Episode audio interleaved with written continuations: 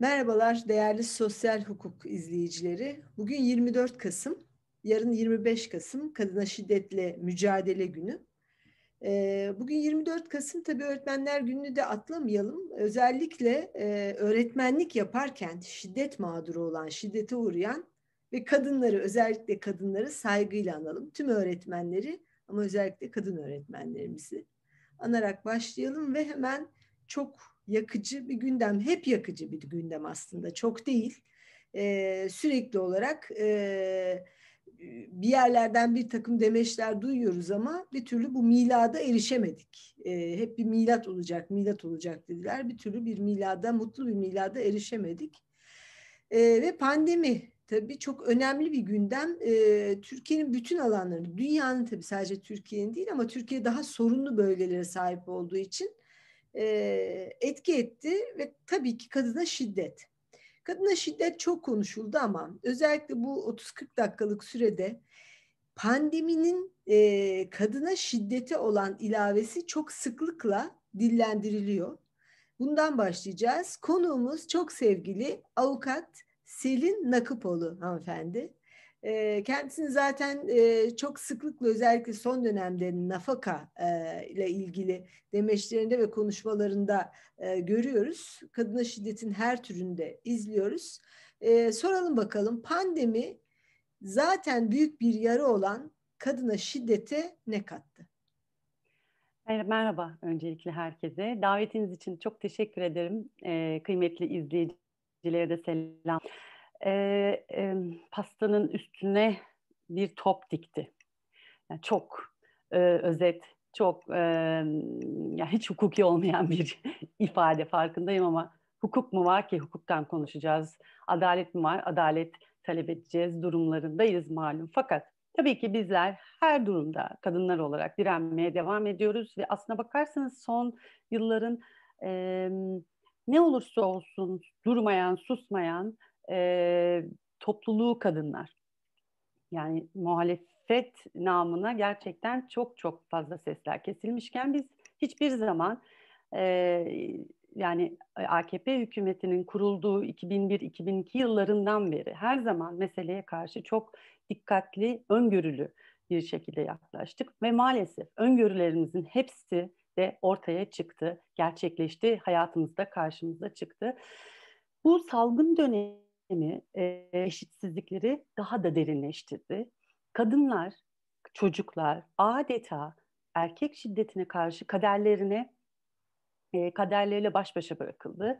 özellikle üç bakanlık, Adalet, Aile Sosyal Çalışma Politikalar ve İçişleri Bakanlığı lal kesildi. Yani ısrarlı bir şekilde Mart'ın sonu, Nisan başında çok net hatırlıyorum soruyorduk kadınlar olarak soruyorduk. Diyorduk ki ne yapacaksınız? Çünkü kadınlar polise gittiklerini, polisin e, salgın var hanımefendi ne 6284'ü diyerek kapıdan resmen devlet dairesine alıp işlem yapmadığına ilişkin e, acayip, hakikaten acayip duyumlar geliyordu. Ve biz bunları olabildiği kadar malum e, çok kısıtlı mecralarda seslerimizi duyurabiliyoruz. Fakat yazarak, çizerek, söyleyerek o günlerde, o karantina günlerinde çok sık dillendirdik. Fakat ne oldu biliyor musunuz Melda Hanım? Ee, Mart 2020'de Hakim Savcılar Kurulu 10. maddesinde bir e, karar verdi. Böyle bir genel kurul kararları yayınladı. Orada adeta 6284 sayılı yasanın askıya alınmasını e, yol açtı. Yani şiddet yasası, yani acil durum yasası, yani bu savaş döneminde bile uygulanacak tedbirlere ilişkin dedi ki salgın var. Yani şiddet gösterenle şiddete maruz kalanlar aynı evde salgın var. E nasıl yani? Devlet gerçekten bu süreçte elini ayağını çekti. Üstüne üstlük biz e, bu sürece girmeden önce işte Çin'den yayılan ve bizden önce bu sürece giren e, ülkelerden çıkan raporlamalara göre Birleşmiş Milletler Genel Sekreteri açıklama yapmıştı Nisan ayında. Demişti ki biz virüsle mücadele ederken evdeki şiddet, hane içi şiddet, erkek şiddeti arttı. Mücadele devletlerin e, planlarının ilk sıralarında olmalı. Hani bakın bunlar tecrübe edildi. Bu virüs yayıldıkça başka ülkelerde bunları yaşayacak. Lütfen tecrübelerden örnek alın ve ilk üç hanenizde olmalı erkek şiddetiyle mücadele dedi. Birleşmiş Milletler'den bir açıklama daha geldi. Hiçbir şey yok.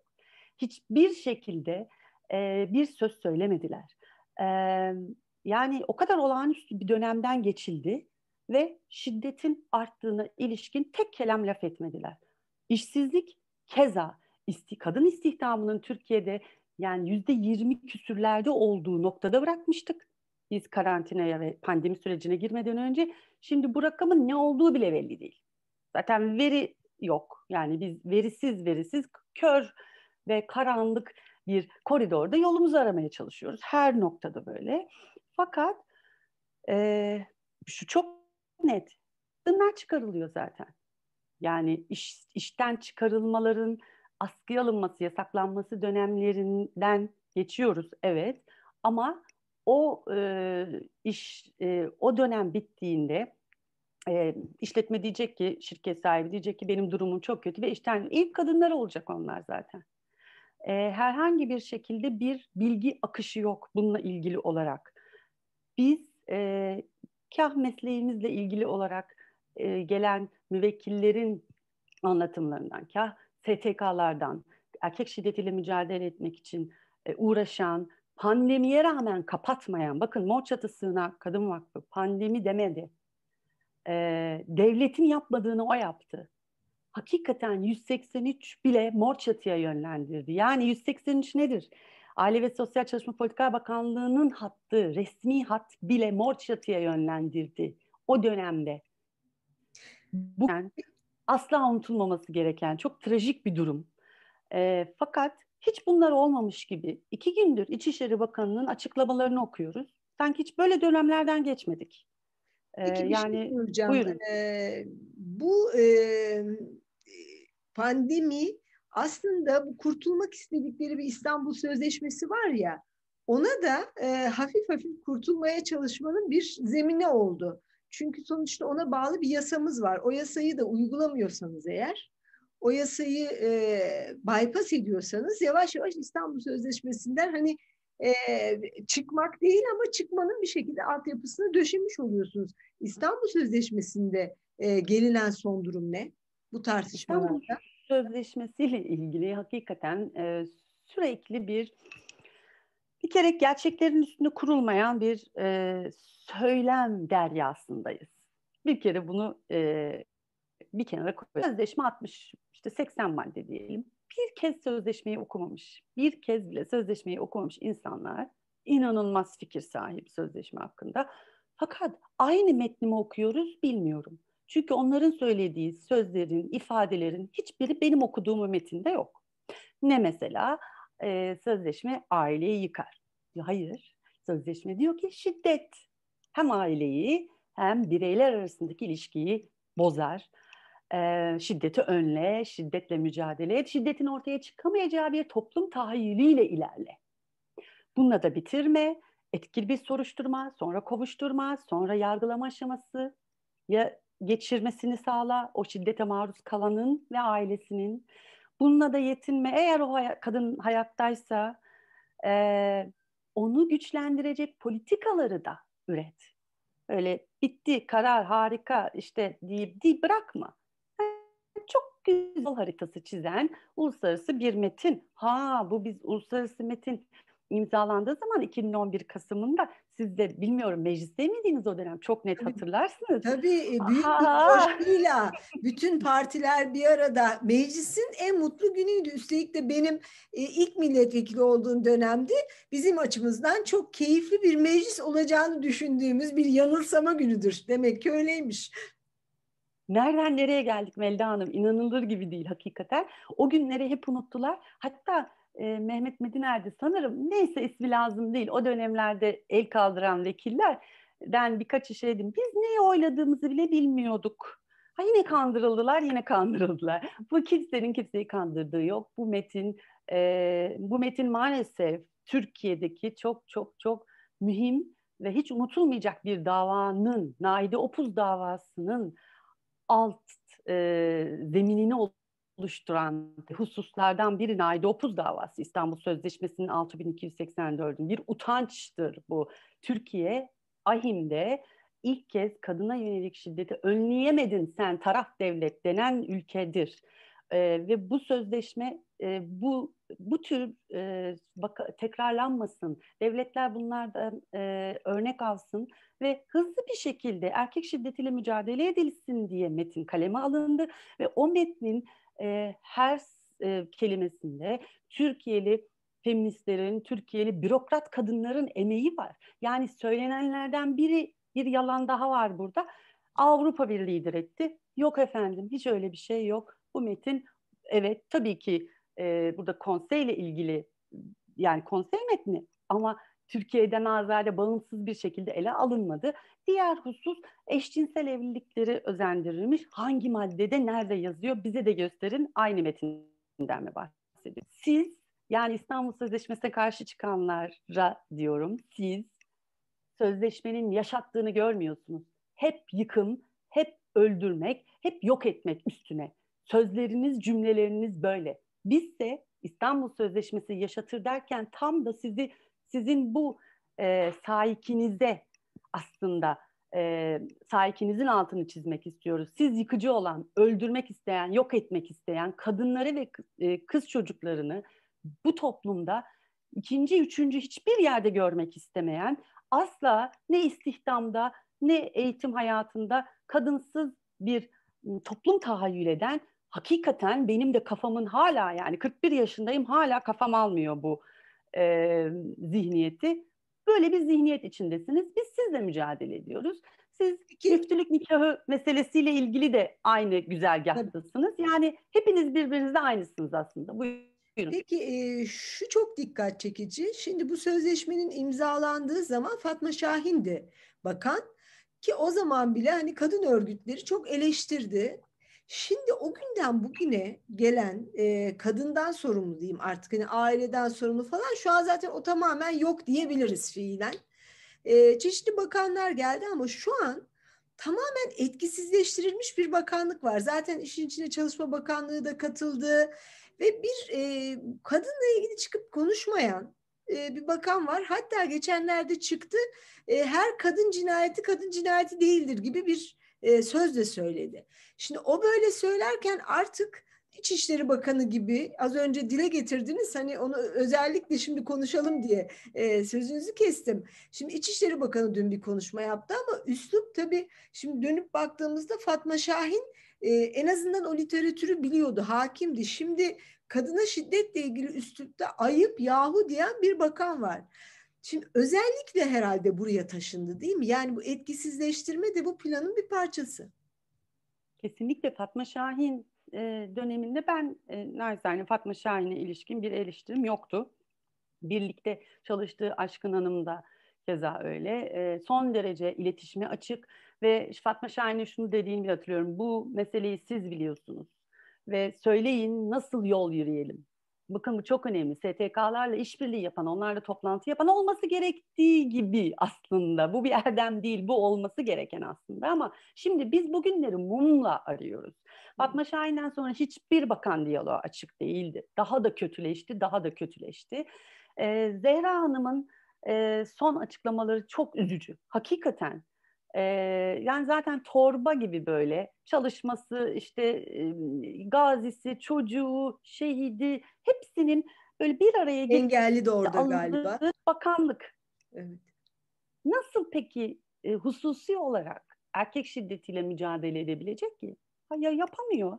Yapamaz. Mümkün değil. ALA 183 sadece şiddet hattı olmalı ama değil. Ali 183'ü arayan müvekkillerini bir daha aramak istemiyor. Çünkü ha bir bankanın call center'ını mı aramış, ha şiddet gördüğü için bakın kendisiyle empati kurulmasını istiyor orada. Oradaki ses tonu, oradaki yaklaşım o kadar önemli ki. Ee, yani hakikaten bu, bu kaynakların böyle heba edilmesi de çok üzücü.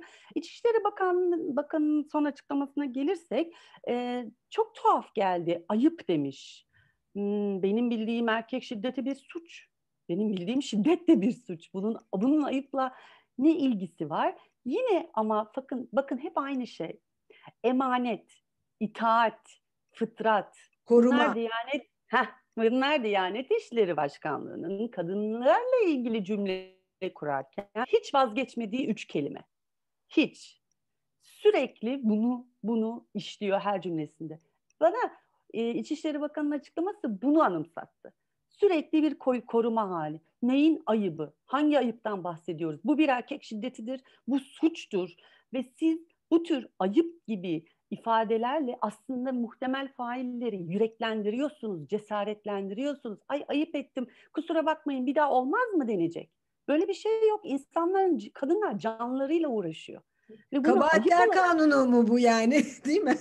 ha, hakikaten, hakikaten öyle. Yani bunu ayıp olarak nitelendirmek çok tuhaf geldi bana. Yani ve peşinden de KADES uygulamasından bahsediyor ki KADES uygulamasının ben her zaman çok önemli olduğunu düşünüyorum. Kendisi de bir Habertürk'te bir yayında e, birazcık kızmıştı bana KADES uygulamasıyla ilgili. Onu azıcık açar mısınız KADES uygulamasını?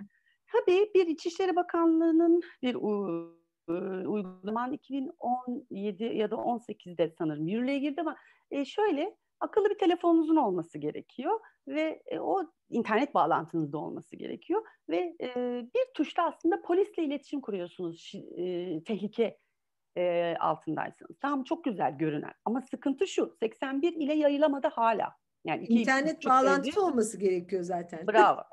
Kesinlikle bir akıllı telefon ne olacak? O kadının internet bağlantısı olacak ve onu kullanabilecek. Yani aplikasyonu indirecek, şu olacak, bu olacak. Ee, ben geçen yıllarda bir yazı yazmıştım bununla ilgili. Yani neden bu bir basit SMS ile ilişkilendirilmiyor? Yani sadece atıyorum bir yerden gelen mesajı okuyup e, okuyabilecek kadar teknolojiyle alakası olan bir kadına bu bir tuşla, SMS'le bunu olabilir değil mi? Mesela Tabii, hiçbir para ekstra bir şey ödemesine gerek kalmadan, gerek akıllı telefonu olmasına gerek kalmadan. Ayrıca hala açıklamasında var 5 ille sınırlı kalmış durumda bu uygulama. Hala ne kadar? pilot, hala pilot 15. Oo. Kendi açıklaması e, hatta size bağlanmadan önce okudum 81 il ama 15. Yani hala bunun geliştirilmesi yani e, çok iki buçuk senedir artık e, bu geç, gecikmiş bir durum değil mi? O kadar önem verilen bir uygulamaysa ki ben de önem veriyorum ama bir an önce tüm Türkiye'ye yayılsın ve bu akıllı telefon ve internet e, cenderesinden de çıksın aynı zamanda ve 183 etkin hale getirilsin. Başka şeyler de var aslında bakanın söylemesi gereken. 183'e ilişkin hiçbir açıklama yapılmıyor. Ne Zehra Hanım yapıyor, ne işte İçişleri Bakanı, ne Adalet Bakanı yapıyor.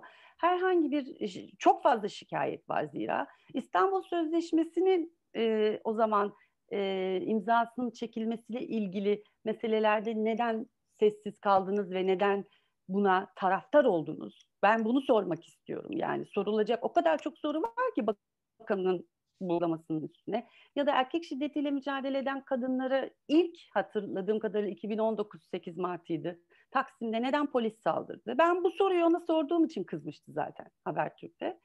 Ee, yani madem bu kadar amacımız e, meseleleri kotarmak değil mi? Yani gerçekten Tabii. diyor ki bazı kesimler işin özünü kaçırıyor. Hayır bizim amacımız üzülmemek, bağcıyı dövmek falan değil. Bu bağcılar değişiyor zaten. Mesele hep aynı. Mesele ataerkil şiddet, mesele erkek şiddeti. Bugün A partisi olur, B partisi olur. Biz erkek şiddetiyle mücadele ediyoruz ve bu dünyanın en zor işlerinden biri açıkçası. O yüzden Aslında neden yani o kadınlara saldırıldı ben hala anlamadım. Hala da yürüyemiyoruz farkındaysanız. Tabii ha, e, şu, bakış açısı şu aslında kadın hakkını aramasın biz gereken kadarını veririz. E, yani kendinize gelin işte ayıp yahu gibi sözlerde aslında bunu tamamlıyor anladığım kadarıyla. Bir de şey demiş kendine vur demiş. Yine vurmak. yani şiddetsizlik, şiddetsizlik olsa hani amacımız evet. şiddetsizlik olsa değil mi? Yine başka bir şiddet. Yani. Başka bir şiddet. Şimdi başka bir şiddet derken tabii bunlar fiziki şiddet. Ee, yine pandemiye döneceğim ben. Ve tabii son dönemdeki bu nafaka konularına da dönmek istiyorum. Şimdi nafaka ile ilgili yaratılan bu kopartılan fırtına da bir nevi şiddet e, konusu olunabilir. Ayrıca dediğim gibi bu pandemi döneminde az önce sözünü ettiğiniz işsizlik. Pandemi döneminde evde çalışma. Çünkü evde çalışmanın da yarattığı bir o toplumsal eşitsizlik var ya aile içi eşitsizlik onun da yarattığı bir baskı var. Hani bunu belki şiddeti burada kullandığımız zaman fiziksel şiddeti e, küçümsemiş olmayalım, onu bir tarafa bırakalım ama sonuçta bunlar da bir çeşit manevi şiddet oluyor mu? Yani bunları da e, bir ortaya koyup konuşmak gerekiyor herhalde. Evet ev içi yani görünmeyen emeğin kadın üstündeki bu yükü pandemide arttı. Arttığına ilişkin nereden biliyorsun dersiniz. Çeşitli makaleler okuyorum, yazılar okuyorum. Sadece Türkiye ilişkili de değil, tüm dünyada bu böyle olmuş. Yani o iki partnerlerin ikisi de online çalışıyor olsa bile hep ev içi emek o kadının üstünde daha fazlalaşmış durumda ve pandemi süresince hani ciddi bir zaman bulamama, yani işlerin hiç bitmemesi gibi e, röportajlarda böyle bilgiler edindim. E, bu toplumsal cinsiyet tam da aslında e, bu zihniyetin yani Adalet Kalkınma Partisi'nin bu işte dediğim gibi müftü nikahından nafakaya kadar Türk Ceza Yasası 103'ten e, e, İstanbul Sözleşmesi'ni 6284'ün şeytanlaştırılmasına kadar ki bu algı operasyonunun hepsi toplumsal cinsiyet e, eşitsizliğinin derinleştirilmesi üstüne zaten buna hizmet ediyor. Ve bu hizmet, edilen hizmet yıllarca işte böyle pandemide aslında kendini ortaya çıkardı. Yani 6284 sayılı yasa yürürlükte olan bir yasadır. Meclisten geçmiş, resmi gazetede yayınlanmış bir yasadır. Ve bu yasaya ilişkin dört harfli o gazete şeytan yasası diyebiliyor. Ve e, bu, bu, bu özellikle kadın e, e, derneklerini bayağı isim isim hani mor çatıya mor çete gibi hedef Onlar gösteriyor. hedef gösterir. İşi o yani. Onların esas varlık amacı hedef göstermek. Evet. evet. Ama basın savcılarının acaba varlık amacı ne? Yani Heh, neden tabii. bunlar hiç okunmuyor? Yokluk. Evet yani burada gerçekten bir dönem o kadar çok yapıldı ki ve hala da şimdi o konuşmalar, e, konular alevlenince tekrar yapılıyor. E, bu dönem toplumsal cinsiyet eşitsizliğinin çok tekrar sorunuza bitirmek açısından söylüyorum. E, bu zaten bu eşitsizlik tam da bu sebeple şiddetin artmasına sebep oluyor. Çünkü ataerkil e, şiddeti besleyen eşitsizlik kadın erkek arasındaki e, ve toplumsal cinsiyet eşitliği kavramıyla bile AKP'nin derdi ver toplumsal adalet e, kavramını koydular ama adalet soyut bir kavram. Toplumsal adalet mi diyorlar artık? Toplumsal, toplumsal adalet kavramını on, evet. tabii toplumsal e, cinsiyet eşitliğinden hoşlanmadılar. Toplumsal adalet onun yerine onu ikame ettiler. E, ama e, baktığınızda adalet soyut bir kavram. Sen önce eşitliği sağla. Eşit olmayanlar arasında adaletten bahsediyorsunuz bize. E, o yüzden biz bir türlü eşitlik lafını e, lügatlarına sokamadık. Bu dediğim gibi en çok da bu karantina döneminde çok ortaya çıktı. Evet. E, zaten YÖK'te galiba toplumsal cinsiyet adı altındaki bölümlerle ilgili bir e, şey vermişti YÖK Başkanı. Sanıyorum bazı üniversitelerde toplumsal cinsiyet eşitliğine dair bölümler var. Onlara hedef almışlardı. Yanılıyor muyum?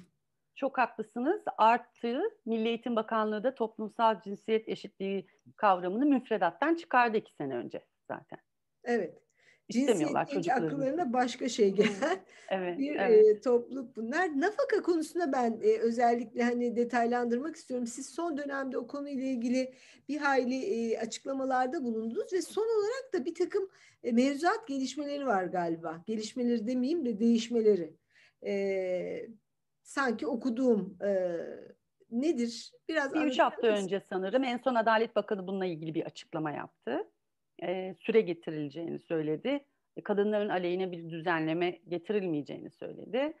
Ve aile arabuluculuğuna geçti oradan hemen. Yani çok fazla nafaka ile ilgili detaylı bir bilgi paylaşımı hiçbir konuda olmadığı gibi bu konuda da yok. Nasıl başladı? 2017'nin sonunda bir anda nafaka gündeme oturtuldu.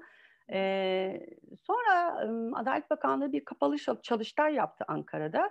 E, Morçata Kadın Sınav Vakfı gitmek istediğini, katılmak istediğini söyledi. Cev uzun süre cevap gelmedi. Kendimizi zorla davet ettik velhasıl. Ben o kapalı çalıştaya gittiğimde çok şaşırdım. Çünkü e, hiç meseleyle ilgili olmayan STK'lar vardı. Yani asla küçümsemek açısından söylemiyorum ama Çınar Ağacı'nın e, geliştirilmesi derneğinin bu işle ne alakası var anlayamadım gibi Böyle hakikaten tuhaf bir e, şeydi, listeydi. Ve burada hakimler, istinaf hakimleri de vardı ve dediler neden hakimlerin kararlarına güvenmiyorsunuz? Neden illa bir kazuistik metotla, neden yasada değişiklik istiyorsunuz? Ha, çünkü şunu diyor da hakimler, aile mahkemesi hakimlerinin e, e, çok geniş. Tarafların adeta röntgenini çekiyor. Yani bu mesele nasıl, nafaka ne kadar hükmedilebilir, nafakaya ihtiyacı var mı, çalışabilir mi o kadın, eğitim almış mı, her şeyi değerlendiriyor. Ve e, buna güvenmek gerekiyor hakikaten. ki yani bu hakimler de baktığınızda çok az nafakalara hükmediyorlar. Yani 267 lira ortalama nafakadan bahsediyoruz. Yani epi topu Herhalde bu bunlar. medyaya düşen çok büyük rakamlar var ya insanlar öyle olduğunu zannediyorlar nafakaların. Bazen olur ya böyle hani multimilyarderlerin eşleri çok büyük rakamlar alırlar. Nafaka deyince aklı o geliyor herhalde. Evet Melda Hanım ama e, verilen örnekler şimdi bir basketbolcu, bir ünlü televizyon Tabii. yıldızı falan bu tür örnekler veriliyordu. Bakın onların hepsi anlaşmalı boşanma. E, o kadar e, yani atlanan bu nüanslar o kadar önemli ki Tabii. anlaşmalı boşanma biz onlardan bahsetmiyoruz. Çekişmeli boşanma davalarından ve şiddet davalardan ve iki taraf yoksul. Yani o kadın e, evimin kadını ol, çocuklarımın anası ol, ne çalışacaksın o fabrikada işte o atölyede diye diye evde tutulmuş, eğitim verilmemiş, 40 küsür yaşında ya da 50 yaşında da boşanıyorum dediğinde ortada resmen kalmış bir kadından bahsediyoruz. Şimdi bu kadına ben Adalet Bakanı'nın o çalıştayda özellikle sordum. Dedim ki iki çocuğu var, üç çocuğu var, bir çocuğu var. Fark etmiyor. Çocuğu var.